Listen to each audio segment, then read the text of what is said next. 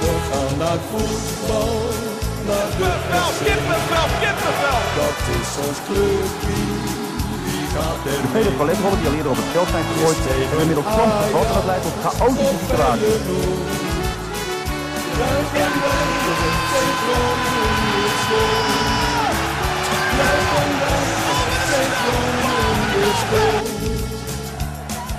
En dan is het eh, Conforminder de podcast, aflevering nummer 10. Mijn naam is Maarten Siepel en ik heb tegenover mij toch wel een ja, licht geëmotioneerde Thijs Faber zitten. Want het is eh, toch wel een jubileumuitzending, hè? Ja, goeiedag. Ja, ik, ik, hoe moet je het nou zeggen? Ja, ik, Ti- tien afleveringen van Conforminder de podcast. het is eh, vrij bijzonder. Te gast vandaag hebben wij eh, Robert Fischer. Hij is eh, vriend van de show, freelance journalist voor, de, voor onder andere De Trouw. En natuurlijk bovenal eh, FC Groningen supporter. Mag je meteen ingrijpen? Het is Robert Visser. Oh, Vis, ja, maar, dat maar, maar meteen er zo. SCH in. Ja, dat klopt. Ja, ik weet ook niet waardoor. Ik, ik, snap de fout. Wij Ja. zeiden eerst Robert Fischer, eh, een Ja. paar afleveringen terug ook. Nou ja, in ieder geval dan Robert Visser. Alvast de rectificatie, dan vergeten we die ook niet. Precies, voel ik me meteen helemaal thuis. En dus een FC Groningen fan, wonend in Rotterdam. En ja, eigenlijk als journalist zijnde, eh Robert, willen we graag even beginnen met ho- eh, hoe jij kijkt als eh, journalist naar de berichtgeving rondom de FC. En wat jouw mening daarover is. Oeh, dat vind ik wel een lastige. Ehm, de- de- ik kijk, ja, ik ben bij FC, Groningen ben ik vooral fan, zie ik mezelf. Dus ik ben ook geen sportjournalist. Ik schrijf vooral over wetenschap en, eh, en technologie. Ehm, dus ik voel me vooral fan. Tegelijkertijd kijk ik er ook wel met een journalistieke oog naar. Ehm, en ja, ben ik ook als, als journalist geïnteresseerd. Maar ik, ik schrijf heel bewust eigenlijk nooit over FC Groningen zelf. Dus ik heb nooit ook sportjournalist willen worden, omdat ik die twee dingen toch best wel moeilijk kan scheiden. Ehm, maar ik weet niet of je een specifiek voorbeeld hebt. Nou, ik, ik kan me recent van jou een, een draadje op Twitter herinneren over eh, de berichtgeving van het Dagblad van de Noorden over Sergio Pat. Dat soort dingen. Zeg. Hoe kijk Ja. je daarnaar? Nou, ik heb dat best wel neutraal proberen te doen. Ja, het zijn ook je collega's natuurlijk. Ja, en ik krijg daar ook altijd eh, commentaar op terug trouwens. Ik word daar eh, de, de, de- niet zozeer van het Dagblad van Noorden zelf hoor. Maar ik krijg daar van journalisten altijd wel weer reacties op. Of ik word alweer gebeld. Ehm, ja, wat mij verbaasde was dat er wel heel veel over Sergio Pad ging. Eh, ik geloof dat ik 33 berichten heb geteld in drie dagen. Ehm, en dat, ja, daarbij, en bij een aantal van die berichten vraag ik mij wel af: is, was dat nou allemaal nodig? En vooral toen, eh, toen er een, een eh, podcast kwam van het Dagblad van het Noorden, waarin Sergio Pad. Een, ja, werd, werd werd er nou ook alweer gezegd? Ja, Wie is- Nou, we, hadden beloofd het hier niet meer over te hebben, maar goed dat je het Oh, weer aanhaalt. Nou ja, ja, dat- nee, we, had- we hadden een, een wapenstilstand, maar ja, nu we ook al ruzie hebben met de voetbalpodcast, kan dit er ook nog wel bij. Kijk, dus hebben we beef, eh, jongens. Nou, Nou, er is een enorme podcastoorlog gaande. Nee, eh, moest ik er nog even bij zeggen. Eh, het komt later nog wat terug, maar eh, de voetbalpodcast. Luister je nou voor het eerst door ons podcast? Ik heb op social media veel mensen gezien die dat gedaan hebben. En je denkt, ik wil eigenlijk wel meer voetbalpodcast luisteren. Nou, de voetbalpodcast. Ik, ik moet zeggen, ik luister er elke week met veel plezier naar. Dus, Ik vind het ook een heerlijke podcast. Gewoon alles over het voetbal, weet je, zowel binnen als buiten en, en een, keer, een keer wat anders dan Arno Vermeulen zegt dat Ajax te weinig winnaarsmentaliteit heeft, zeg maar. Is ook wel een keertje lekker. Ja, dan gaan we ook even terug naar afgelopen zaterdagavond. In de Euroborg eh, speelde FC Groningen de wedstrijd tegen PSV Eindhoven, de nummer 1 in de competitie. We verloren met 2-1. De goals werden gemaakt door uh, Memizovic, die via een penalty de 1-0 voor FC Groningen scoorde. Maar ja, helaas vlak voor rust toch Malen weer de 1-1. En vervolgens in de 87ste minuut eh, scoorde Denzel Dumfries de 1-2. Maar ik denk dat we toch wel positief kunnen terugkijken op die wedstrijd, ondanks dat. Absoluut. Eh, ik denk dat we goed, ja, goed gespeeld hebben gewoon tegen PSV. De, de eh, linies eh, kort op elkaar. Eh, er werd op de bal gejaagd. Er werden spelers. er, werd, er werd echt een beetje pressie gespeeld, had ik het idee. En dat, dat wat Buis eigenlijk wil spelen, dat komt er dan vooral uit tegen AZ en tegen PSV, die twee wedstrijden. Nou, ik, ik heb daar ook wel een verklaring voor hoe dat komt. Groningen speelde zaterdag heel compact, om Ja. er even wat jargon tegenaan te smijten. Eh, de flanken werden eigenlijk vrijgelaten. Eh, dat had als gevolg dat je eigenlijk PSV dwingt om in haar spel van vorig jaar terug te komen. Wat gewoon eigenlijk was vroege voorzet op Luc de Jong. Nou, dat is aan de ene kant is dat echt wel een wapen gebleken. Maar wat je nu zag, Chabot en, eh en Te Wierik achterin hadden Luc de Jong gewoon onder controle op die ene volley in de tweede helft na. Waardoor PSV eigenlijk niet aan aanvallen toe kwam, omdat de linies stonden kort op elkaar en er werd gewoon heel compact gespeeld. Ja, eigenlijk was het eh, een voorbeeld voor andere eredivisieclubs. Eh hoe pak je dit PSV aan? Want op het moment dat PSV gewoon uitgespeelde aanvallen kan gaan opzetten, ja, dan zijn ze stukken gevaarlijker dan wanneer steeds die voorzet op de Jong moet komen. Ja, en als je kijkt hoe de goals tot stand komen, dat zijn dan eigenlijk misschien de enige twee, drie momenten dat PSV echt een uitgespeelde aanval had. Ja, en dan laat ze gewoon zien hoe je met individuele klassen in de vorm van Dumfries, die natuurlijk geweldig seizoen speelt, eh, tot nu toe, ja, laat ze gewoon zien dat je dan ook een beetje het geluk van de kampioen hebt eigenlijk. Maar volgens mij kwam het ook doordat we 4-4-2 speelden. Ja, zeker, Er zeker veel minder ruimte werd weggegeven op, eh, op het middenveld. Wat vonden jullie van uh, Memisevic? Ja, In- die in vond ik rol? heel goed spelen. Ja, die vond ik echt heel goed ervoor. spelen. Ja, ik vond hem tegen Heracles vond ik hem niet goed, omdat hij eh, toch wel... Ja, het heeft er gewoon mee te maken dat Groningen het niet voor elkaar krijgt om zelf het initiatief te nemen in de wedstrijd. En tegen PSV kun je lekker naar achteren gaan hangen. Dan kun je lekker met een laag 4-4-2-blok gaan spelen.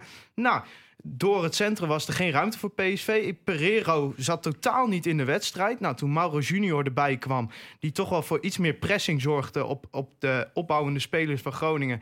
Toen werd het wel wat gevaarlijker. Maar ja, ik denk dat we in een algemeenheid kunnen spreken over een hele goede wedstrijd. Maar wel een wedstrijd die losstaat van bijvoorbeeld vrijdag Excelsior weer. Ja. Omdat tegen Excelsior kun je niet achterover gaan leunen. De- tegen Excelsior, ondanks de stand op de ranglijst, is het verschil is niet immens groot. Dus Groningen zal echt meer initiatief moeten nemen. En ja, daar twijfel ik aan of deze ploeg daartoe in staat is. Maar zou je Memisevic dan op de bank zetten? Of, want die verdedigende rol op het middenveld heeft tegen Excelsior voor hem waarschijnlijk geen nut. Nou ja, kijk, dan komen we weer op het punt van het luxe probleem wat we achterin hebben. eh, dat je met Twierik, Chabot en Memisevic drie spelers hebt die eigenlijk elke wedstrijd zouden moeten spelen. Ja, ben ik met je eens. Ja, en dan- eh, dan ja, zou- het is ook niet dat je Twierik doorschuift naar rechtsback, want dat heeft Buis ook aangegeven. Daar is hij gewoon stukken minder dan in het centrum. En een 5-3-2 met dan eventueel 3-3 verdedigers Ja, maar dan, blijf je elke week de boel omgooien. Dus mijn voorstel is gewoon, nou ja, laten we in ieder geval alsjeblieft Ludovic Reis laten staan.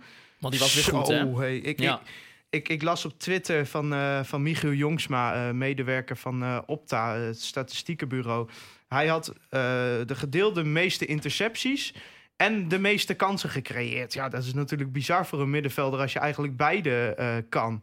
Ja, en ik heb ook naar zijn passes gekeken nog. En hij speelde bijna alles vooruit. Nou, Tenminste, als dat mogelijk was. En ook dat is iets waar we, denk ik... Ja, ik denk dat het, dat het grote pijnpunt van, dit, van onze ploeg op dit moment ligt bij de, bij de opbouw. Vooral hoe de eh, verdediging de middenvelders aanspeelt. En hoe er daarna weer doorgespeeld wordt naar, eh, naar de aanval. Je ziet zo vaak dat de middenvelders in de- op de verkeerde positie de bal krijgen. De bal weer terug moeten spelen. Of dat er weer een balletje breed komt. Ja, Eh. en dat is dus ook waarom het, bijvoorbeeld tegen ADO... ADO heeft middenvelders die heel agressief doorstappen. Ja. Dus wat krijg je dan? Dan krijg je ruimtes tussen het middenveld en de verdediging van ADO. Grote ruimtes. Nou, welke speler is geniaal in dat soort ruimtes? Ritsu Doan. Als je naar de beelden gaat terugkijken... en dat heeft Buis vorige week in een interview laten zien... hoor. dus dit eh, kom ik niet allemaal zelf op, hoor. dit heeft Buis aan mij laten zien ook. Eh, dan komen die ruimtes voor Doan er. Nou, Doan stond daar elke keer. Doan voerde de tactische taken prima door. Maar het was gewoon een aantal keer dat Van der Looy de bal kreeg aangespeeld en terugdraaide. Waardoor de bal weer terug naar Chabot ging. Ja, dan, dan doe je het omgekeerde. Omdat je dan zo'n doorstappende El die vindt niks lekkerder dan alleen maar meer pressie erop gooien. En waardoor je nog meer paniek krijgt. En zo'n Doan die denkt na tien keer in die ruimte kruipen ook van ja, bekijk het lekker. Maar als we dan eh, even, nog even teruggaan naar die eerste helft. Misschien hadden we ook nog wel even op, eh, op 2-0 voorsprong kunnen komen. Ik, ik denk even aan de kans van eh Yannick Pol ook. Volgens mij had hij één keer dat hij hem ook weer naschoot. En de ene keer ook, dan stonden we gewoon met vier man gewoon in de 16. Had hij hem eventueel nog breed kunnen geven. Ja, maar Ja, er- er werd weer niet. pijnlijk duidelijk wat een gebrek aan rendement dit elftal heeft. Ik Ja. bedoel, dat verwijt ik Ron Jans ook wel. Je had kunnen zien aankomen, nou, Cachera... eh, Natuurlijk waren we allemaal blij toen hij werd binnengehaald. En achteraf is het heel makkelijk praten. Maar het is een speler die absoluut geen doelgerichtheid heeft. En absoluut geen killer is. Ja, Als je ook ziet, op een gegeven moment liep hij, liep hij op doel af.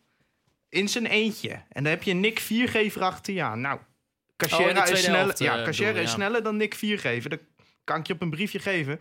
Maar hij was inmiddels 30 meter verder. Hij had nog steeds de bal niet onder controle. Ja, dan kun je ook nooit een schot maar produceren. dat was toch ook hetzelfde met die voorzet in de ze- eh, 76ste minuut. Dat die voorzet kwam. En die jongen die, die gaat gewoon compleet over de bal heen. Ja. Ik van ja, eh, en dan heb je ook nog met Jannik Pol, die het tot nu toe ook totaal niet Precies zien. hetzelfde type. Nou, ik denk dat we met Paul wat voorzichtiger moeten zijn. Ik hoor van veel mensen al, hij, hij valt mij ook tegen. Hoor. Ik had ook liever gehad dat hij meteen eh, beter meevoetbalde. En, Ik vond hem- eh, ik vond hem zaterdag heel doelgerichter was. Maar zet ook wel pressie. Dan moet je niet Cachera ernaast Nee, nee, maar stel je nou voor, kijk, zoals Paul tegen eh, PSV speelde, werd hij volgens mij veel beter gebruikt waar hij goed in is. Hij, hij werd in de ruimte aangespeeld. De jongen is, voor, hij is behoorlijk lang, maar hij is ook behoorlijk snel. Ja. En hij gebruikt zijn lichaam heel goed. Je zag hem ook van het veld afgaan met allemaal groene vlekken en, en eh, Ja, moddervlekken. En ik dacht, ja, heerlijk. Zo wil je eigenlijk een speler van het veld zien gaan. Gewoon moe gestreden, hard gewerkt, op de grond gelegen, eh, er echt voor gevochten. Het enige wat er bij Paul echt aan ontbreekt, is dat hij niet kan koppen en dat hij niet eh, de bal erin kan schieten. Het is gewoon het Ah, is en- geen en- afmaken. En, en dat is nogal belangrijk voor een spits. Het is Ja. ook geen... Als we gaan kijken, hij is gekomen voor Te Wierik. Of, wat zeg ik nou? van Weert. Tom ja. van Tom Weert. van Weert. Bijna. Tom van Weert noemden wij eh, hier de tap-in merchant. Dat is een Ja. beetje jargon. Dat is eh, iemand die eigenlijk alleen binnen de vijf meter de balletjes erin pist. Maar Tom van Weert staat wel altijd op de goede plek. En dat Ja. mis ik bij Yannick Pol, dat mis ik bij Cachera, dat mis ik bij Mahi. Nou, eh, Tim Freriks, dat, nou ja, ik blijf het wekelijks zeggen. Laat die lekker in jong rijpen. En als het toevallig ooit nog wat wordt, kan het. Maar, ja, Nee, maar even terugkomen op Paul. Ik vind dat hij te makkelijk nu wordt afgeschreven. Absoluut. ik- we hebben bij Matafs bijvoorbeeld ook gezien. Dat was ook niet helemaal goed. Hè? De, het eerste seizoen is toen nog naar Emmen gegaan. En daar eigenlijk ook veel, veel doelgerichter leren, eh, leren spelen. En ik denk dat Paul dat misschien ook wel in zich heeft. Dat vind ik moeilijk om van een afstand... Ik, ik ken die jongen verder niet. Hè? Ik heb ook maar een paar wedstrijden nu gezien. Maar als je die jongen kan leren om doelgerichter te zijn... om in ieder geval de bal tussen de palen te schieten... ben je alweer een heel stuk verder. Alleen dat is een project. Dat, dat, dat, ja, ik vraag me af of je dat dit seizoen Ja, nog voor en, elkaar En krijgt. dat is het pijnlijke aan de situatie waarin we nu verkeren. Ja. Kijk, heb je zo'n spits met rendement en je komt dit PSV tegen, wat gewoon duidelijk signalen vertonen van vermoeidheid, vond ik. Eh, ik vond PSV echt niet weergaloos. Eh, maar ja, uiteindelijk op individuele kwaliteit wordt het beslist. Maar kijk, ik spreek nu over vroeger, maar dan hebben we het over vijf jaar geleden. Had je dit soort wedstrijden gewoon gewonnen. Omdat je types als Matafs, als Kostic, Zivkovic van mijn part. Ja. Allemaal spelers die wel die individuele klas hebben. En Doan heeft het heel vaak geprobeerd. Maar ja, dat is zoals elke week inmiddels hier gezegd wordt. Dat is geen dragende speler. Nee, maar- maar laten, we- weet je, laten we ook wel eerlijk zijn, even ook in ter verdediging van Buis. En eh, kijk, buiten Jannik Pol om. We hebben het tot nu toe ook niet echt makkelijk gehad met onze aanval. Maar hier die niet echt fit is, nou ja, dit weekend weer ziek was. Cachera, is- die heel erg lang geblesseerd is geweest. Je hebt misschien eigenlijk pas voor vrijdag voor het eerst een keer echt een keer alle jongens waarmee je kan gaan spelen eventueel. Ja, ik vond het een verademing om, eh, niet vorige wedstrijd, maar die wedstrijd ervoor, om Mahi weer te zien. Ik Ja. vond dat hij Ja. een ongelooflijk goede wedstrijd speelde. Ik ben heel erg gecharmeerd van Mahi, omdat hij onvoorspelbaar is. Dat is ook tegelijkertijd een nadeel, want hij is eh, natuurlijk niet altijd goed. Het is een beetje een speler met, met ups en downs. Maar ik hou wel heel erg van dat soort spelers, die, die iets extra's kunnen brengen. En Mahi kan wel scoren, dat heeft hij ook duidelijk laten zien. Ehm, en ik vond het een, echt een verademing om hem af en toe met Doan te zien combineren. En ik had het idee dat Doan, af en toe ging het ook niet goed hoor, maar er- waren, zaten een paar prachtige paasjes en combinaties bij. Waarvan ik denk van zouden we die twee niet in de aanval moeten zetten? Gewoon met z'n tweeën. Eh, een beetje zoals het Nederlands elftal eh, eerder speelde. Je hebt uh, Snijder, Robben en Van Persie voorin. Je zorgt dat de bal daar Ja. komt en je zoekt het verder maar uit. Ehm, ik zou daar eigenlijk wel voor willen pleiten. Mahi en Doan zijn twee beste voetballers. Eh, allebei creatief. Eh, Nou ja, Zet die maar bij elkaar. Hebben we het over individuele kwaliteiten, wat je bijvoorbeeld tegen een ploeg als Excelsior eh, gewoon de doorslag kan geven? Ja, dat zijn wel spelers die dat zouden kunnen. Ja, iedereen roept nu wel dat Doan een slecht seizoen heeft, maar dat vind ik helemaal niet. Ik hoorde, daar wilde ik even over de voetbalpodcast op terugkomen. Hoorde ik eh, Sam Planting van de voetbalpodcast hoorde ik zeggen dat Reis en Doan verdienen eigenlijk een veel betere elftal. Maar ja, Maar daar geloof ik ook in. Natuurlijk. Maar ook als we dan. eh, want we, we kregen er ook heel veel vragen over. Over, weet je, over de s- eh, spitsen samenstelling. Wat is dan voor jou thuis de ideale spitsen duo? Als we met en Cachera. Ja, ja want ik, ik eh, dus ook, kijk, Cachera die maakte dan niet de kans af die hij misschien wel had moeten maken dit weekend. Maar ik zou persoonlijk het ook wel aandurven, zeker ook tegen Excelsior, om gewoon die jongen even te Maar laten het is staan. wel, hij krijgt die kansen wel. En zoveel kansen kregen wij niet. Hij creëert de kansen. En ik geloof ook heus wel dat als je hem een tijdje laat staan, dat, dat het, Het die jongen wel. kan heus wel Het- voetballen. hij is niet zomaar gehaald. Hij is niet zomaar topscorer van de Jupiler League geworden vorig jaar, geloof ik. Of een van de topscorers. Eh, maar het blijft een frustrerende speler. Omdat het wel gewoon... Ja, we moeten reëel zijn dat... eh, vijf van de tien ka- grote kansen gaan gewoon mis. En volgens mij was dat vorig jaar ook al zo met eh Ja, die heeft, Cachera, hij heeft Hij- 80 hij- doelkansen gehad. Ja, en hij scoorde 18 goals of zo, even uit mijn Ja, hoofd. en als we naar de, de onderliggende statistieken kijken, eh, naar de goals die hij had kunnen maken, dan heeft hij eigenlijk nog underperformed. ja, ja, ondanks ja. dat hij wel veel gescoord heeft. En je hebt het over de nummer 1 van, van, de, van de Jupiler League. Dus dat, dat, dat is ook wel een verschil natuurlijk. Ja. Hij speelt nu degradatievoetbal, want zo reëel moeten we ook zijn. Ja, Daar krijg je ze natuurlijk eh, de minder goed eh Ja, die ballen aangespeeld. hij heeft ze wel gehad zaterdag. ja, nee, dus- ben ik helemaal met je eens. dat is een beetje het Danny Hoesen verhaal natuurlijk. Iedereen was Ja. altijd heel gecharmeerd van, van Danny Hoesen. Eh, ik, ik ook hoor. Het- het- ik bedoel, ik vond dat echt wel een leuke spits. Maar iedereen zei altijd, ja, hij krijgt geen aanvoer. Hij krijgt geen aanvoer. Nee, ja. Maar als hij ze kreeg, gingen ze er ook niet in. Nee. Maar ja, ehm, dan kunnen we toch wel denk ik even vooruit gaan bouwen ook naar Excelsior. Want er was ook een vraag van Sander Alberts van hoe er nu voor gezorgd kan worden dat de FC ja, deze vorm, ja, deze vorm eh, verliezen alsnog natuurlijk. Maar, Ja, maar die ik- stijgen eruit, hoe die meenemen naar de volgende wedstrijd. Ik, ik zou het geen vorm willen noemen. Nee. Want het tegen PSV is, ja, het klinkt heel gek aangezien het de nummer 1 is die na 10 wedstrijden op 30 punten staat. Maar dat is voor Groningen een veel makkelijkere tegenstander eh, met, het, met de huidige vorm dan Excelsior, waar gewoon weer initiatief genomen moet worden. En dan weten ze daar geen raad mee. Eh, dus ja, i- i- echt, ik, ik zou heel graag van Excelsior winnen. En het is ook echt nodig dat Groningen wat punten gaat pakken. Maar ja, ik maak me wel zorgen ook over die wedstrijden tegen Fortuna en tegen NAC. Iedereen zegt van ja, dat is de maand waarin Groningen de punten gaat pakken. Maar ja, ik vind de slechtste wedstrijden van Groningen tot nu toe waren juist tegen ploegen die minder goed zijn. Ik bedoel, AZ was een goede wedstrijd. Eh, Ajax vond ik ons niet slecht in de arena. Heracles eh, vorige week. Heracles was een goede wedstrijd. PSV was een goede wedstrijd. Ja, ik maak me er wel zorgen over. Dan wil ik ook even teruggaan naar een eh, interview van Hans Nijland bij de Voetbal International eh, afgelopen week. VI haalde een beetje ook de doelstelling van FC Groningen aan om eh, voor, ja, voor het seizoen 2020-2021 eh, ja, een begroting te hebben van 20 miljoen euro en een ja, bezettingsgraad van 90% En ja, de vraag is of dat haalbaar is. Hans denkt dat het eventueel nog zou kunnen, maar ik denk het niet hè. Nee, absoluut niet. Nee, ik denk dat je realistisch moet zijn. En Hans gedraagt zich een klein beetje als een slechte autoverkoper eh, door dat soort uitspraken te doen. En dat vind ik ontzettend jammer. Ehm, je moet nu gewoon kijken naar. Hè, het, voetbal is, is al seizoenen niet goed.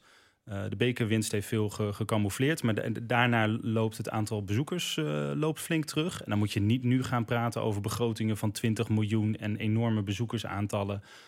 Laten we gewoon realistisch zijn. Ik vind het een hele, hele rare opmerking van hem. Er zaten meer rare opmerkingen in vond het het interview. een erg verontrustend interview. Ja. Ehm, ervan uitgaande dat hier... de- ja, dat is niet zo, maar dat hier echt Nijland spreekt, zeg maar... die het achter ze van zijn tong laten zien... dan heeft hij geen idee wat er gaande is. Als dit is wat hij zegt... eh, dat er een gloriemoment nodig is, dat de potentie er wel is. Volgens mij heeft hij dan geen idee wat zich hier de afgelopen jaren heeft afgespeeld. Ja, ik denk dat hij toch gewoon een beetje een, eh, een goed weershow eh, probeert Ja, maar te geven. ja, weet aan je, de van, andere eh, kant, je zou als tegenargument kunnen... Hij kan ook niet gaan zeggen van... nou, we hebben de, we hebben de pijpen lang aan Maarten gegeven... we gaan volgend jaar opnieuw bouwen in de ka- keukenkampioen-divisie. Nee, dat bedoel ik. Dat kan hij ook niet zeggen. Maar ja, kijk, dat zijn nog de, de uitspraken die hij moet doen. Maar wat ik meer verontrustend vond... is een uitspraak die ik hier op mijn scherm zie staan. Misschien kun je die even voorlezen. Ik krijg het niet meer uit mijn mond namelijk. Nou, ja, je wordt er een beetje ook eh, boos van. Hè? Ik zie de tranen in de ogen bij jou. Nou, Ja. ik heb daar afgelopen week ook een column over geschreven. Ik denk, ik kan het bewaren voor de podcast. Maar ik, ik, ik krijg de, afspra- de uitspraak wat hij nu zegt. Ik snap dat er af en toe iets op papier moet staan en er een structuur moet zijn. Maar ik ben geen man van dikke plannen. Ja, ik weet niet. Ik vind het een beetje moe- eh, moeilijk ook. Eh, hij heeft het ook van eh, dat geneuzel over lange termijn. Hij Ach, vindt dat, dat- het eerst op korte termijn voor elkaar moet Ah, hebben. ik, maar... ik, ik merk dat mijn bloeddruk gaat omhoog. Ja, nee, maar ja, weet je, uiteindelijk, eh, ik snap hem wel dat hij natuurlijk zegt van we moeten eerst op korte termijn eh, alles voor elkaar hebben. Maar die lange termijn is in mijn, naar mijn mening eigenlijk nog veel belangrijker. Maar ja, dan weet hij zelf ook wel dat het ook om zijn eigen positie gaat. En die gaat natuurlijk niet zeggen van eh, ik wil eruit en eh, dit Stel je voor dat een directeur van een willekeurig bedrijf zou zeggen tegen de raad van bestuur: van ja, jongens, ik ga eh, nu even op de korte termijn zorgen dat we niet failliet gaan. Maar wat we daarna gaan doen, ja, ik heb geen dikke plannen of zo. Zien we wel. Ik denk niet dat hij nog lang zou zitten. Maar dit geldt toch voor meer dingen? Als je er puur vanuit het bedrijfsleven naar kijkt, of nou ja, eigenlijk van, van, vanuit de overheid kun je er ook naar kijken. Het is, het is toch van de gekke. Nijland stelt uh, Jansen aan, die uh, in, in, maakt de technisch directeur tot een van de belangrijkste zei, ja, hij posities. moet toch ergens uh, beginnen. Ja, ja, en Ja, maak je eigenlijk, dat? je maakt die, maakt die positie ook nog, kinderopvang. je maakt die positie ook nog eigenlijk tot een van de allerbelangrijkste. Nou, dat was het al, maar je maakt die positie nog veel belangrijker. Iemand zonder ervaring. Ja. Eh, eh, met, met een veel kleiner netwerk dan de, me- eh, dan de meeste andere technisch directeuren. Dan druk ik het een beetje voorzichtig uit. Ehm, en dan, dan ja, stel je iemand... Eigenlijk maak, zeg je van deze, deze man is, is, is zo belangrijk voor onze organisatie. Die geef ik zoveel macht. En tegelijkertijd heeft hij geen, helemaal geen ervaring. Dat, dat is toch... Eigenlijk kun je dat niet voorstellen. Ah, en, en dat kun je niet uitleggen. er is niemand die de baas is over Ron Jans, Nee. behalve Hans Nijland, die zegt: Ik blijf niet. Ik, ik kom niet aan het voetbal, dat is niet mijn zaak. Ondertussen is er niemand in de directie met voetbalvisie. Nee. Nee, nee, en wat ik het rare, wat jij net zei over lange termijnvisie, weet je, de, het probleem waar we nu mee te maken hebben al seizoenen lang met, met eh, vrij slecht voetbal, eh, eh, steeds minder gaat op de ranglijst en, en de sportsaantallen lopen terug, die hebben allemaal ermee te maken dat er geen lange termijnvisie was. Die was er alleen voor de jeugd. Verder was er, ik, ik heb het nooit eh, eh, gekend wat de lange termijnvisie was. Het En, en Nederland geeft elke- ook toe dat hij dat niet heeft. Elk jaar wat anders. Ja. Hij is er trots op. Ja, en, en ja, ik word daar. Weet je, en ik vind het ook heel moeilijk om dit allemaal te zeggen. Want voor mij zijn Jans en Nijland echt iconen. Ik, eh, ehm, ik ben van 1981. Ik heb, ik heb toch de gloriejaren begin jaren 90 meegemaakt. Toen, toen, toen ging ik al naar het prachtige Oosterparkstadion. En daarna ging het minder. Hè. Toen hebben we die verschrikkelijke degradatie gehad. Die heb ik ook allemaal meegemaakt. En Nijland heeft voor, voor mijn gevoel en, en naar mijn idee ook... en ook als je het analyseert... heeft Nijland een ontzettend grote rol gehad... waarin wij vanuit die eh, eerste divisie weer naar de eredivisie gaan... waarin we een subtopper, subtopper worden. Europees En- meedoen. Precies, en daar verdient hij alle, alle krediet ook voor. Alleen hij is ergens de grip op de situatie kwijtgeraakt. En ehm, als, als ik dit interview lees, dan denk ik, er is, hij is bijna niet zelfkritisch. En dat vind ik misschien nog wel het allerergste eraan. Hij klopt zichzelf op de borst dat er geen lange termijnvisie is. Wat gaat er dan mis? Ja, het zit ook een beetje tegen. Ik vind het allemaal te makkelijke antwoorden. Ik vraag me af, waar is de zelfreflectie bij, bij Nederland? En ehm, ik vind ook dat kritiek van veel supporters ehm, niet serieus genomen wordt. En dat is iets wat me eigenlijk het meeste stoort in hoe Nederland hiermee omgaat. Hij zegt bijvoorbeeld van ja, eh, de, er, is, eh, er is bijna niemand verkocht en er is 4 miljoen geïnvesteerd. En dan noemt hij altijd alleen Bakuna die verkocht is. Ja. Dat, ik- vind dat ondenkbaar. Als je, als je Doan en, en Zeefuik, die waren er eigenlijk al, die behoud je. Hartstikke, hartstikke knap en applaus. Chabot kun je vraagtekens eh, stellen. Ik vind dat een, een, een prima versterking. Maar hadden we die nou als meeste nodig? Hè? Kun je achteraf allemaal... De, eh, Drost is weg. Nou was ik geen fan van Drost, maar die had wel eh, veel assist. Van Weert is weg, die scoorde tenminste goals. Ehm, ik vind wel dat eh, Jans of Nijland meer zelfreflectie mag hebben van wat hebben wij zelf eigenlijk verkeerd gedaan. En daarvan zegt hij alleen maar van ja, dat moeten we verder onderzoeken of daar moeten we verder of ik heb vast ook dingen verkeerd gedaan. En daar zitten, zitten de Nou, zitten kritische supporter niet op te wachten, als, toch? als ik dit interview lees, ehm, hij legt de schuld alleen maar buiten zichzelf neer. Ja. Het is of ja, oh ja, Vitesse en Utrecht zijn ons voorbij. Ja, maar die hebben ook eh, geld van buitenaf. Ja. Eh, ja, AZ eh, En dat heeft het hij opvallend vaak, vind je niet? Hij, opvallend vaak wordt Ja, er vanuit FC Groningen. En dat is gewoon... Weet je, er, zijn genoeg clubs die een veel lagere begroting hebben... en het veel beter doen dan wij. Dan kun je zeggen van die leven boven hun stand. Wij leven echt ontzettend ver beneden onze stand. Denk, dan moet je helemaal niet over financiën gaan praten. Dan gaat er gewoon iets anders. Ja, en dan, en dan komt het argument, eh, ja, bij ons gaat er heel veel geld naar de jeugd. Bij Heracles bijvoorbeeld kan al het geld naar het eerste elftal. Dan denk ik, ja, maar daar ben je zelf bij. Ja, Ja, ja, en dat is een ik- keuze. Ik ben 100% voor de manier waarop Corpus momenteel in elkaar zit. En Ja. de manier waarop eh, de jeugdopleiding aangevlogen wordt. Ik vind zelfs dat Groningen daar vooruitstrevend in is. Ja, zeker Maar- ook als je kijkt wat voor jongens er vanuit de jeugd Maar wat mij wel eerste. pijn doet, is op het moment dat het dit seizoen misgaat. En laten we eerlijk zijn, het kan. Het kan gewoon misgaan dit seizoen. Ja. Dan is het eerste waarin geknipt gaat worden, is Corpus. Dat heb je bij Twente gezien. Die haalden hun je- jeugdelftal eruit. En alles wat je hebt opgebouwd, kan gewoon de prullenbak Wat in. op zich ook natuurlijk een zeer logische stap is als je Nou- pani- in paniek raakt. Ja, Maar- ik, weet- ik weet niet of dat wel zo... Kijk, we zijn natuurlijk eerder gedegradeerd. Ik denk dat jullie dat niet hebben meegemaakt. Gelukkig niet. Nee, daarom is het Ja. nu ook zo pijnlijk. Ja. Nou ja, het- was toen wel anders. We hadden toen een, juist een heel erg ervaren team. Erwin Koeman deed mee, uh, Attenveld bijvoorbeeld. En, en ook echt wel een beetje een vechtteam. eh, wat, wat er echt wel voor, voor wilde vechten. Niet, niet dat dat nu niet gebeurt. Maar goed, nu hebben we vooral heel veel jonge spelers. Maar je merkte wel dat toen we naar de eerste divisie gingen... waren er spelers als Paul Matthijs en als Sander van Gessel... die juist eh, doorstroomde. Dat er juist spelers vanuit de jeugd doorstroomden naar het eerste elftal. Nee, maar ik bedoel dat er eh, gewoon...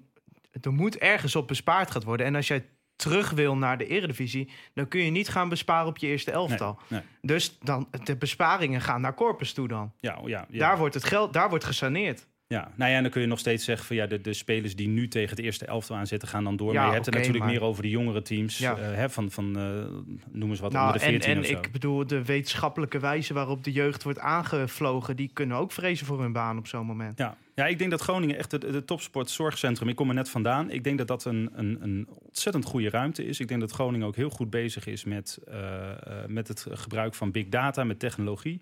Ik denk dat we ook, het, eh, ik weet wel zeker dat we ook een trainer hebben die daar heel erg voor open staat. Dat helpt ook. Het, je moet daar geen wonderen van verwachten. Nee, niemand doet dat ook bij FC Groningen. Dat is wat ik wou zeggen, want Nijland schermt daar in dat interview heel erg mee. ja, dat, Van, nou, hier, zie je dat topsportcentrum? Vind je dat conservatief? Terwijl ik denk, ja, de manier waarop het eerste elftal aan wordt gevlogen... is wel nog steeds bizar maar te noemen. kijk, als we, als we heel eerlijk zijn, Nederland verdient ook wel degelijk credits voor de topsportzorgcentrum en ook voor, de, voor de, het investeren in de jeugdopleiding. Maar als er iets van lange termijnvisie is, dan, is dat het? ja, dan is dat het. Maar daar kun je nooit alleen achter schermen. Nee, absoluut Want niet. eh, ja, ik, ik ben hier vaak kritisch over Nijland. En dat is voor mij ook heel pijnlijk, omdat ik... Ja, Nijland is toch voor mij een soort idool bijna. Ja, maar iedereen bedoel, houdt van die man, Ja, toch? maar alles wat Nijland heeft opgebouwd, is hij nu kapot aan het maken de afgelopen jaren. En dat, dat doet mij pijn. Ik bedoel, Nijland is qua persoonlijkheid de ideale directeur. Daar ben ik van overtuigd. Ook, nou, voorbeeldje. Vorig jaar waren wij bij die bekerwedstrijd eh, bij Hercules toen. Ja. Eh, wij, waren, wij waren met de trein gekomen. Nou, we mochten uiteindelijk het uitvak in, allemaal prima. En na de wedstrijd zei de veiligheidscoördinator tegen ons... eh, ik leid jullie wel even het stadion uit. Wacht maar even buiten. Nou, wij stonden buiten te wachten. En op een gegeven moment kwam Hans Nijland eh, op ons af. En zei, ja, jullie twee, mee in de bus. Nou, konden we zo mee in de bus eh, bij het bestuur... met allemaal borrelhapjes en dergelijke. Ja, dat is Hans Nijland. Hans Nijland is in principe een man van het volk. En daar ben ik ook wel van overtuigd. Maar ik merk wel dat die kloof groter aan het worden is. Ik, ik, ik wil niet zeggen dat hij in zichzelf is gaan geloven op termijn. Maar er zit weinig zelfkritisch aan. En ik heb ook bij Hans Nijland en bij Ron Jans trouwens ook niet het gevoel dat ze kunnen dealen met kritiek. Nee, en, maar dat kan ook met de communicatiestrategie te maken hebben. Een beetje een raar woord misschien, maar ik, ik kijk als journalist natuurlijk ook altijd van hoe, hoe wordt er dan gecommuniceerd. En in dit geval denk ik, ook, ook puur als ik vanuit de communicatieafdeling van FC Groningen eh, denk, toen ik dat interview las, dacht ik, wat is dit voor enorme blunder? En, Ja. en ik zag Nederland laatst ook bij Studio Voetbal, eh, volgens mij vanuit zijn woonkamer, dat vond ik dan wel weer leuk. Ja, dat is Maar, cult. maar, maar ook daarbij weer heeft hij een verhaal waarvan ik het idee heb dat hij een verhaal heeft voor supporters van andere clubs. Voor, voor supporters, weet ik veel, van Her- Heracles of van Utrecht, eh, die die allemaal uitlegt hoe het zit. Maar, de, Ah, maar de kritische en, en dat FC Groningen supporter, die neemt hij niet eindeloze wijzen naar andere clubs. Van ja, Utrecht, ja, die hebben Frans van Seumeren. Of Vitesse, die hebben Russisch geld. Dat willen wij niet, wij willen het op een andere manier. Maar die andere manier wordt nooit uitgelegd. Het is altijd, ja, we moeten weer terug naar de hoogtijdagen... toen we tegen Fiorentina speelden. Ik denk, ja, dat was 2007 geloof ik. Dat is elf jaar geleden nu. Eh, sindsdien is Manchester City van de tweede league in Engeland... eh, de nummer één van de Premier League. Ja, Bizar. Nou ja, Ja. We gaan eh, zien hoe het zich uh, Nou, we natuurlijk kunnen het hier wel elke week over hebben. Uren. Het is meestal de, de conforminder de bestuurspodcast. eh. Ja, Robert, jij eh, bent natuurlijk fan van FC Groningen, maar woonachtig in Rotterdam. En je pakt eigenlijk ook ja, meer uitwedstrijden volgens mij dan eh, thuis hier in, de, in het Hitachi Capital Mobility Stadion. Ja, veel meer. Ja. En eh, ja, we wouden het toch ook even hebben over het uitwedstrijdenbeleid. Eh er was een vraag van Peter van Dijken. Wat jij eh, vindt eh, wat er verbeterd kan worden als we kijken naar de uitwedstrijden en het bereid rondom de uitwedstrijden. Nou ja, je kan je voorstellen dat de combi-regelingen, eh, dat, dat die bij mij echt een doorn in het oog zijn. Ik vind het ontzettend vervelend. Eh ja, buscombi's zijn voor mij sowieso al niet mogelijk. Dan hebben we die bijna niet meer hoor. Dus dat is, dus dat is hartstikke fijn. Maar ik ga niet eerst vanuit Rotterdam helemaal naar eh, Groningen rijden. Om dan in een bus te gaan en dan weer ergens anders heen en dan weer terug naar Groningen. Terug naar Rotterdam, ja. Ja, en dan weer terug naar Rotterdam. Houd toch op. Ehm, en ja, weet je, de, de, de, de, ook de autocombi's eh, storen mij. Soms staat erbij van je hebt eh, vrij vervoer, maar dan mag je weer niet met Eigen het, eh, vervoer is dat. Of eigen vervoer is Ja, dat. dat is ja, nee, heel- die hele naamgeving die, die is sowieso al heel dat raar. mag dan niet met het OV. Nee. Ja, Want dat is dan vrij vervoer. Ja, ja, vrij. Ja. Nou, dat Nou ja, hadden, nee, maar we even, hebben jongens, tegen Ajax. Precies, wou ik net zeggen. We, we hebben elkaar weer gezien bij, bij Ajax. We zien elkaar regelmatig natuurlijk, vooral bij uitwedstrijden. Maar we- we- bij Ajax was het eigenlijk een prachtig voorbeeld van hoe goed het ging. En dat is nog een club waar wij vanuit Groningen eigenlijk best best wel wat, eh, nou ja, moet dat zeggen? Naar Herenveen is dat toch wel een beetje Ja, maar een, een het- vijandige het- club voor ons. Andersom niet trouwens. schijnmaatregelen. Omdat als jij met eigen vervoer gaat, kun jij net zo goed met je auto het centrum van Amsterdam Tuurlijk. inrijden en een café op zijn kop slaan. Ach joh, maar houd toch op. Ik woon in Rotterdam. Ik heb, ik heb, als Sparta in de Eredivisie speelt, heb ik drie wedstrijden... waarbij er wordt gezegd dat ik niet in het centrum van Rotterdam mag zijn. Maar jij woont Ja. En ik woon daar. Ja. Dus waar slaat het op? Maar ja, kijk, eh, eh, Weet je, het gaat toch helemaal nergens over. Als, als, ik- als, er een, als, er een, als er een uitwedstrijd is met Sparta... ik woon op loopafstand van het, eh, van het kasteel... dan moet ik dus met de auto naar het kasteel toe. Dat slaat toch ook Ja. al helemaal nergens Nou, op? We, hadden, we, hadden, we hadden een wedstrijd tegen NAC Breda vorig seizoen. Moesten we omwisselen bij Harderwijk. Ja, zie je mij vanuit Rotterdam naar Harderwijk Ja. gaan... en daarna naar, eh, eh, naar Breda. En het, het- het- dit, dit soort maatregelen... Kijk, natuurlijk snap ik ook wel dat ik een beetje een raar figuur ben... dat ik als Groningen-fan in Rotterdam woon. schandalen. Ja, precies. Dat is niet. Het kan natuurlijk wel helemaal niet. Word ik in Rotterdam ook regelmatig eh, op aangesproken. Nee, maar het, het, het, het, het gekke is dat het, het, het, het is bijna een soort supportertje pesten. Eh, ehm, en wie deze regels verzint, ik heb geen idee. Eh, je noemde net volgens mij Peter van Dijken. Die, ik heb begrepen dat hij nu ook eh, samen Ja. met Klaas-Jan... ja. ja, in, in, in overleg zit met FC Groningen om, om die combi-regelingen onder de loep te nemen. Dat lijkt me ontzettend goed. En ik denk dat iedereen die wel uitwedstrijden... Kijk, een uitwedstrijd bezoeken is ontzettend gaaf. Je, je, je wordt een beetje weggestopt vaak in een hoekje van zo'n van stadion. Het is wij tegen de rest. Ja. Het is en als je leuk. wint... De, de, Het de, is de- echt leuk. Ja, dus, nou ja, Ik zo zou vaak het winnen we niet iedereen voor, ook vorig aan- seizoen maar één keer. Ja. Ja. maar het is te gek, toch? Je, het is een soort Het saamhorigheid. Ja, dat Top. is ook, ik hoor vaak vaders met kinderen zeggen van ja, dan sta ik tussen dat tuig. Dat is niet zo. Nee. Er zijn misschien 200 jongens mee die fanatiek zijn, maar die zijn ook gewoon. Die vinden het ook tof als er meer mensen meegaan. Eh, Je hebt een gevoel van eenheid. Je binding met de club wordt veel groter dan eh, bij een thuiswedstrijd. Ja, ik, ik kan het alleen maar aanraden. Maar wat mij ook ergert, is dat er een OV-verbod geldt bij de meeste wedstrijden. Ja. Terwijl ik denk, dat is de meest duurzame oplossing voor veel supporters eh, vervoeren. Eh, het probleem is alleen dat stations, ja, die liggen in de binnenstad. Ja. Dus dan komen supporters in de binnenstad eruit. Nou, ik wil Ajax er wel weer bij pakken. Dat wij smiddags, ik was toevallig met Klaas-Jan toen eh, na- naar Amsterdam toe inderdaad. En eh, die, eh, wij zijn gewoon op Centraal uitgestapt, denk ik. Uurtje of drie, wedstrijd begon om kwart voor negen. Nou, hebben we lekker op het terras gezeten tussen de Ajaxiden. Toen zijn we met de metro naar het stadion gegaan. In een metro met Ajaxide hebben we een beetje het gras van Noorderplantsoen en zo gezongen. Een beetje gesproken met Ajax-supporters. Ja, ik heb geen enkel moment mij onveilig gevoeld. Ik heb geen enkel manier de drank gevoeld om er eentje op de bel- mel te slaan. Nee, maar ik snap ook wel, er zit, je wil die supportersgroepen uit elkaar hebben. En in het OV heb je er geen controle over. En wanneer jij naar NAC moet en je moet omwisselen in Harderwijk twee uur voor de wedstrijd, dan weet je dat je in ieder geval alle Groningen supporters twee uur voor de wedstrijd nog in Harderwijk hebt. Nee, maar het is toch hetzelfde. Dat, hetzelfde vind ik ook altijd bij dat omwisselen. Hè. Dan moet je dus ergens omwisselen bij zo'n nou, afgelegen tankstation, ergens langs de snelweg.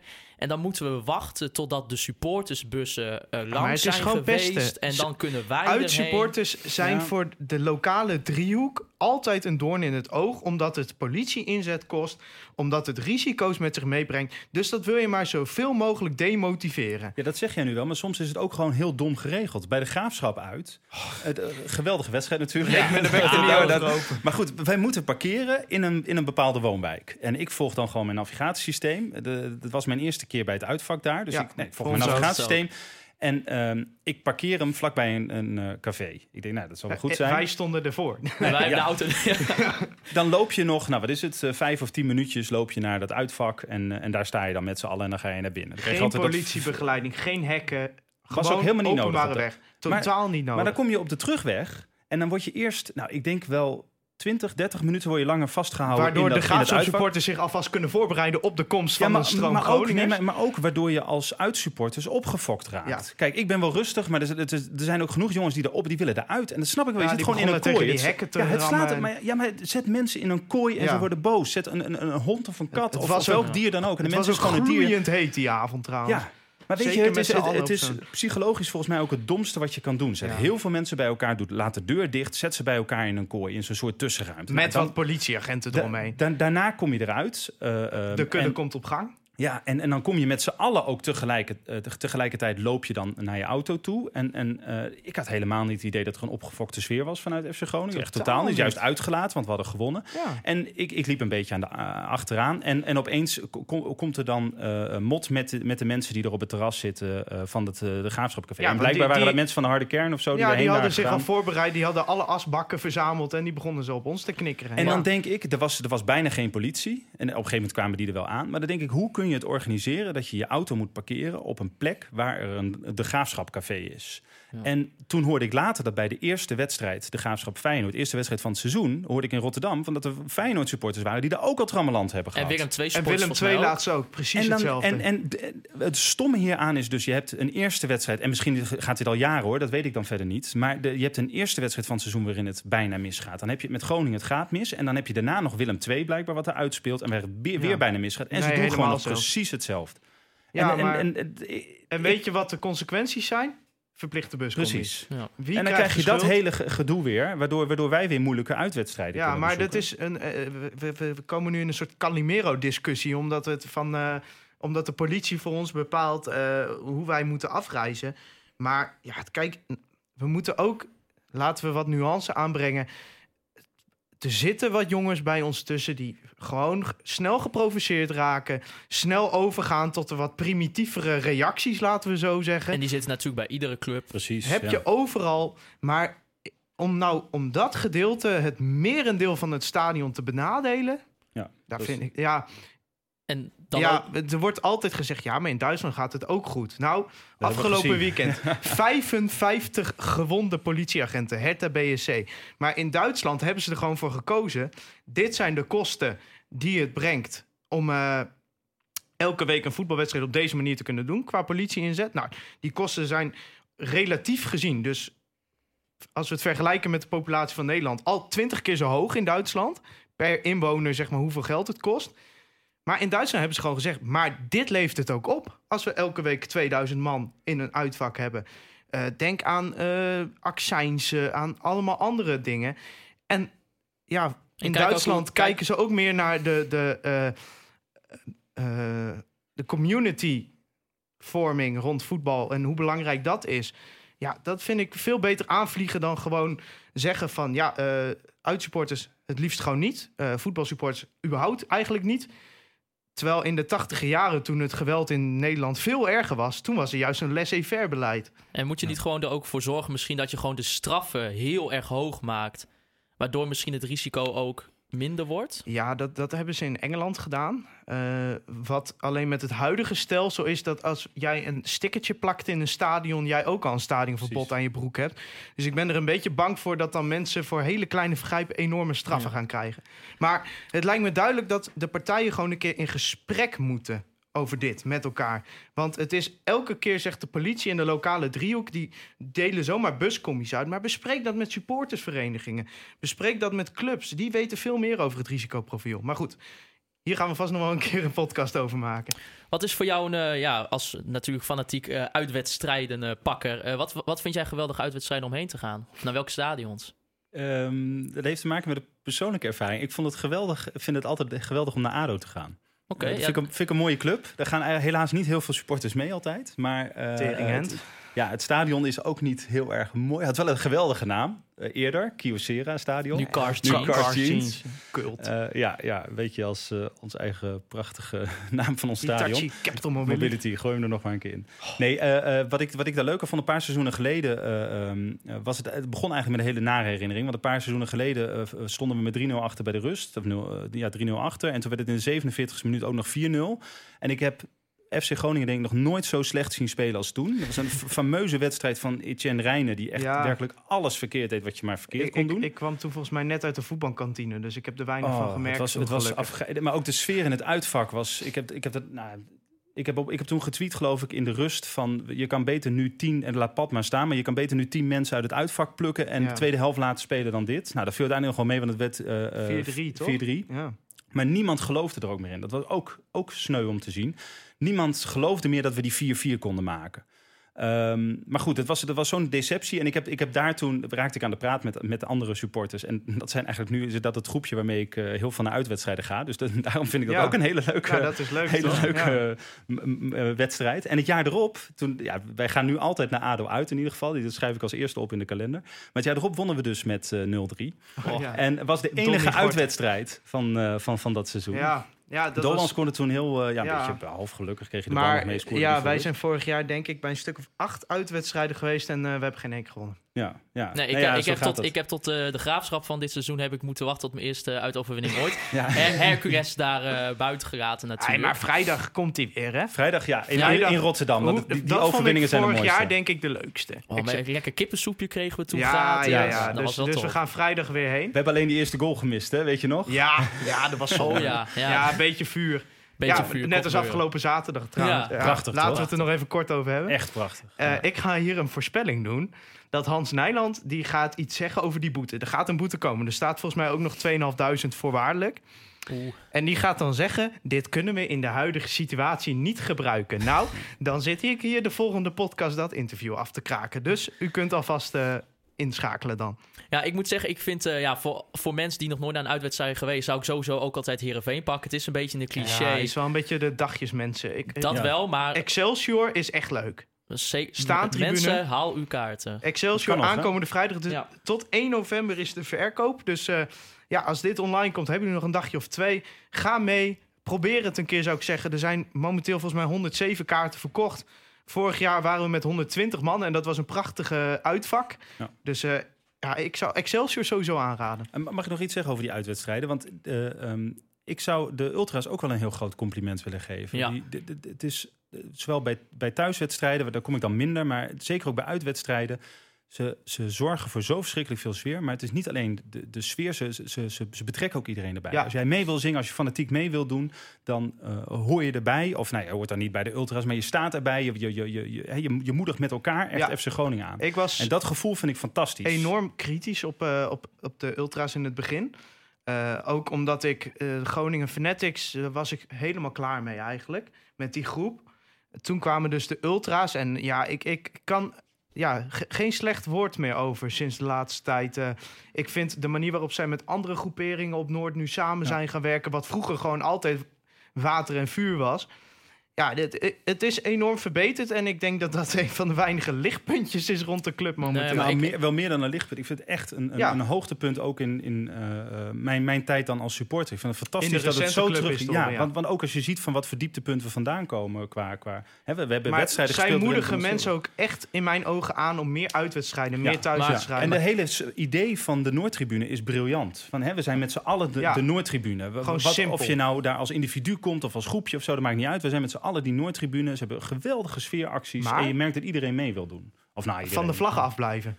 Ja, is dat Ja, zo? dat beginnen er steeds meer te worden. Dat wil ik nog even meegeven. Ik- Afgelopen zaterdag zag ik bijna niks op een gegeven moment. Maar Oh, nou, zo. Dat was niemand van Ultra's hoor. Maar Nee. ik, eh, ja, daar verschillen wij. Daar zullen we altijd in blijven verschillen in mening. En dat kan ook. Maar ik vind in ieder geval dat Je vindt de vlag in je gezicht vervelend? Of, eh? Ik wil gewoon, Ja? als ik naar een voetbalwedstrijd ga, wil ik de wedstrijd kunnen zien. Ja, ja. Ja, dat heb ik persoonlijk ook wel. Ik wil niet de hele tijd zo'n epileptische aanval krijgen omdat ik zo'n kutvlag voor mijn hoofd eh, langs heb. Nee. Nee, maar ik, ik heb ook altijd wel bij de uitwedstrijden. Ik voel me eigenlijk als FC Groningen supporter, ook met inderdaad wat je ook al zei, de rest nooit zo hecht als tijdens uitwedstrijden. Zeg maar. Weet je, nou, dat komt natuurlijk ook wel omdat het stadion een beetje leeg is. eh, onze eigen stadion Ja. eh, afgelopen periode. Nou, maar ik, ik weet niet hoe jullie dat dan beleven. Maar ik, ik, had, eh, ik heb het idee nu het wat slechter gaat... dat dat, dat ook te maken heeft met dat er meer saamhorigheid Nou, is. Dat had ik in het Oosterpark is, ook heel sterk. Wat wel zo is, op het moment dat er gescoord wordt, dan echt, dat is Gekkenhuis, toch? gekkenhuis. Ja. Terwijl ja. vroeger, ik zeg weer vroeger, terwijl ik het over recente clubs ging. Ja, als je dan een keer tegen Utrecht scoorde of zo, dan was dat nooit zo. Maar tegenwoordig is het echt. eh,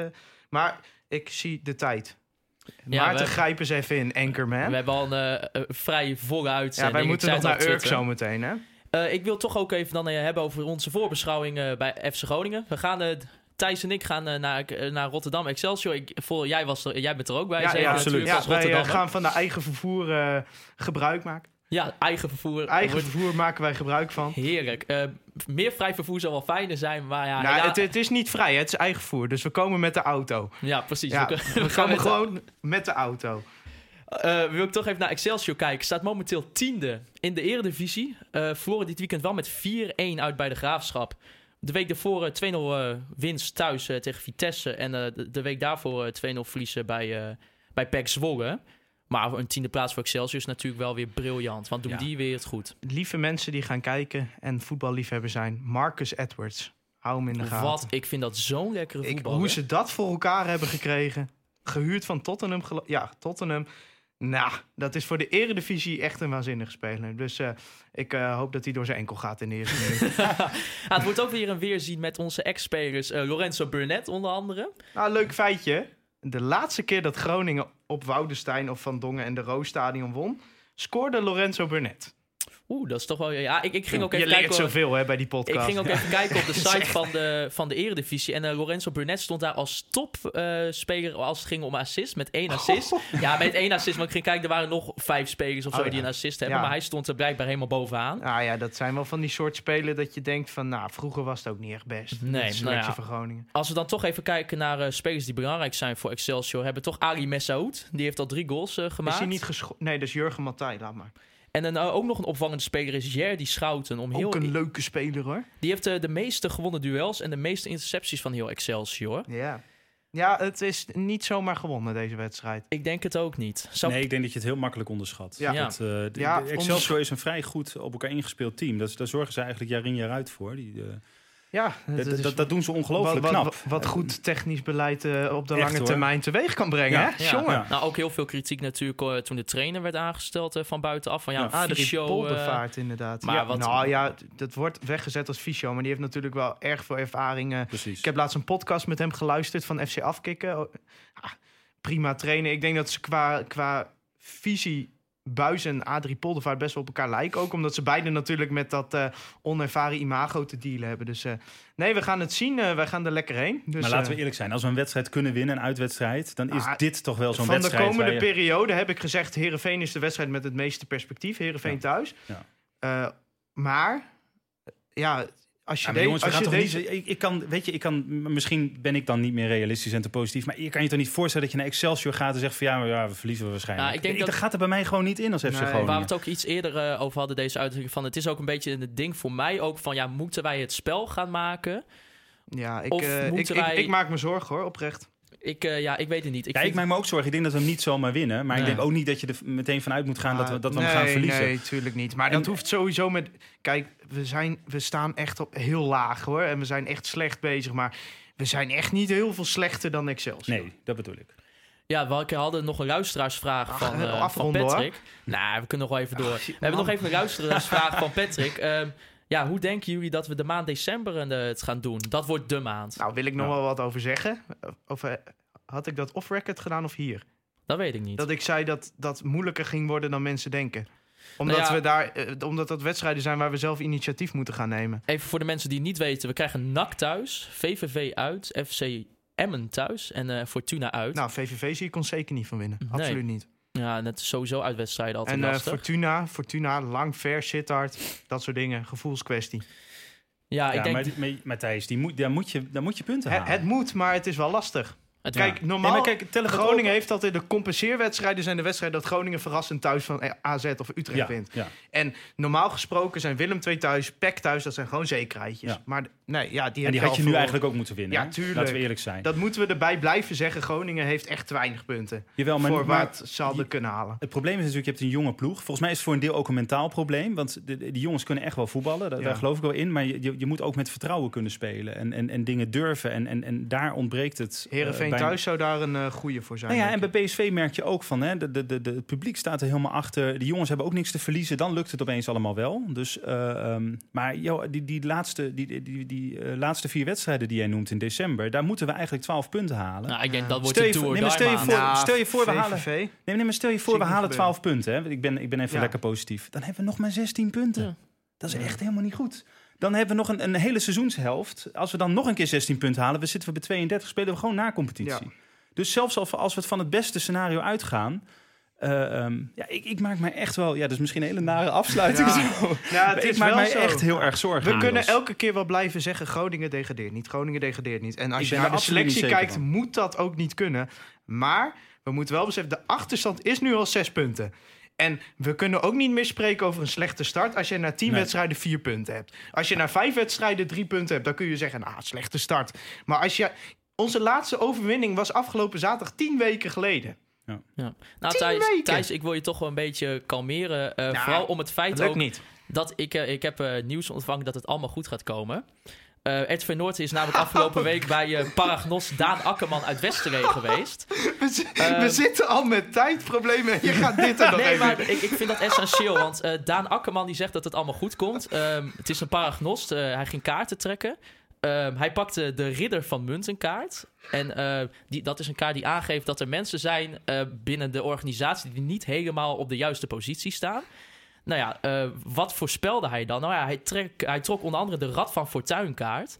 En ehm, dat geeft aan dat er een zak met geld naar de FC Groningen gaat komen. Nou, Hoe, weten we niet, maar het, het gaat gebeuren volgens eh, meneer Akkerman. Allemaal een staatslot kopen. Alle, alle, Allemaal. Eindejaarslot. En gewoon Nee, erin Alle pompen. fans. En dan hup naar Ja, Groningen. En vervolgens trok die man vier kaarten. En dat was, dat was essentieel, want drie van de vier kaarten eh, waren kaarten die bokalen hadden.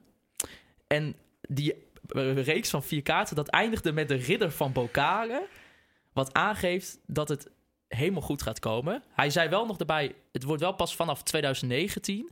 Dus we moeten nog even wachten voordat het goed komt. Maar reserveer die grote markt maar alvast dus. Want ja, Grote Markt of Stadspark. Want volgens Daan Akkerman gaat het helemaal goed komen. Nou ja, een paar agnost. Ik heb er helemaal We vertrouwen gaan in. Europa in. Misschien wel. Misschien, misschien 2009. Ja. Volgens Daan Akkerman zou het allemaal kunnen. Ja, jongen, Daan Jongens, Akkerman. ik ga zo lachend in de trein terug naar Rotterdam. Ja. Heerlijk. Ik, eh, ik voel me helemaal goed opeens. Ja, nee, maar het is Wat is er nog 24 wedstrijden? Dat, Ja, eh, joh, 72 24 punten, finales 76 punten in totaal. Daar kun je nog kampioen mee Ja. worden. We moeten, Ja. we moeten gewoon En- nu zorgen dat je en wie alles is PSV? Ja, Wie is Ajax? Wij komen eraan. De Groningen-trein dende door, dames en heren. Dan wil ik hem hier graag eh, mee gaan afsluiten Laten we met dat deze maar doen, ja. positivo's. Eh, Robert, ik wil jou natuurlijk bedanken voor je komst helemaal uit Rotterdam. We zullen elkaar eh, vrijdag wel weer zien in, eh, in jouw stad. Dan wil ik natuurlijk om op oog bedanken voor alle faciliteiten die we hier wekelijks kunnen gebruiken. En natuurlijk Free Westerhof voor de muziek. En dan wil ik u bedanken voor het luisteren naar Conforminder de podcast.